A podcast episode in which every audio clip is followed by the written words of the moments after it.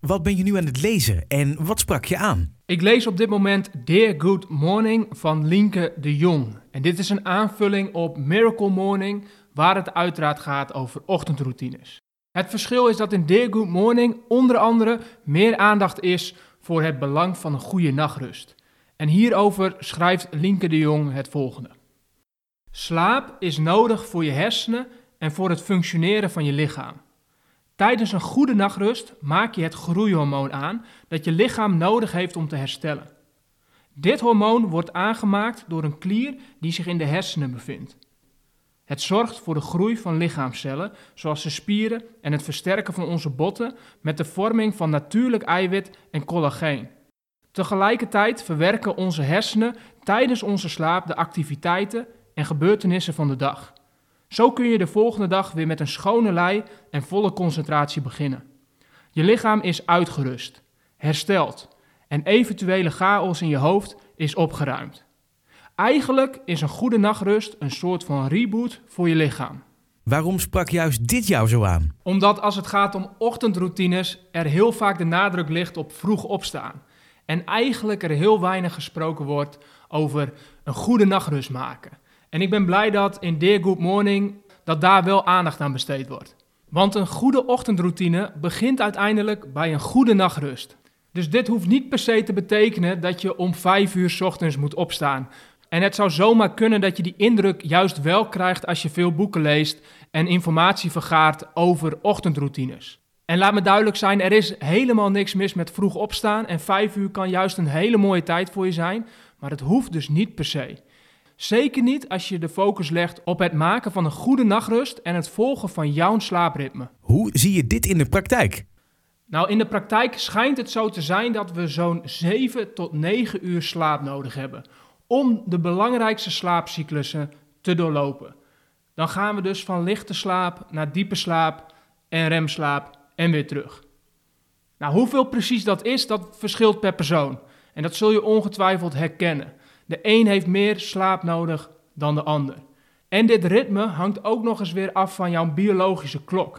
Dus het zit ook ergens ingebouwd in je. Wel een belangrijk aspect waar we tegenwoordig mee te maken hebben is onze schermtijd. En dat wil zeggen, we besteden veel meer tijd op onze telefoon, achter onze laptops en achter de televisie in de avonduren. En dit doet weer wat met je biologische klok. En als je niet oppast, kan die je biologische klok flink in de war schoppen. Dus één vuistregel is dat je in ieder geval 7 tot 9 uur slaap nodig hebt. En hoeveel precies het is voor jou, dat is natuurlijk aan jou om te ontdekken.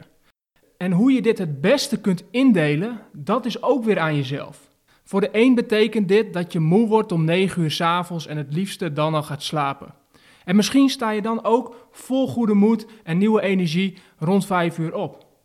En voor een ander kan het zijn dat je het beste om 10 uur naar bed kunt gaan, dat je dan een goede nachtrust maakt en dat je om half zeven jouw biologische klok je als het ware weer wakker maakt.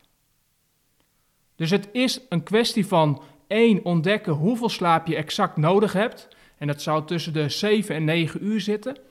En wat je beste slaapritme is. Dus hoe laat je het beste op bed kunt gaan om te gaan slapen en hoe laat je het beste weer eruit kunt gaan. Dat is de grote vraag. Hoe kan ik hiermee aan de slag? De schrijver van het boek, Linke de Jong, die moedigt je aan om een experiment te doen. En dit experiment houdt in dat je jouw slaapritme eens goed onder de loep gaat nemen. En om dat praktisch te maken, kun je dat doen door een notitieboekje bij je bed te leggen en te noteren hoe laat je gaat slapen en hoe laat je wakker bent geworden. Dus als het ware ga je even een tijd je slaap monitoren. En als het even kan, zou het mooi zijn als je dat kunt oefenen zonder een wekker te zetten. Zodat je echt nog beter inzicht krijgt in jouw biologische klok. Nou, als je dat doet, dan kun je daarbij jezelf nog een aantal vragen stellen. En ook deze vragen komen uit het boek Dear Good Morning.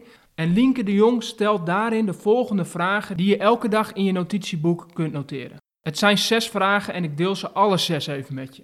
1. Hoe functioneer ik overdag? 2. Ben ik de hele dag door alert? 3. Voel ik me energiek? 4. Ben ik vrolijk? 5. Hoe snel ben ik prikkelbaar? En 6. Vanaf wanneer voel ik een slaapdruk? Door het bijhouden van jouw slaapritme en het beantwoorden van deze vragen krijg je dus steeds meer inzicht in jouw ideale slaapritme en kun je dus voor jezelf zorgen voor een goede nachtrust.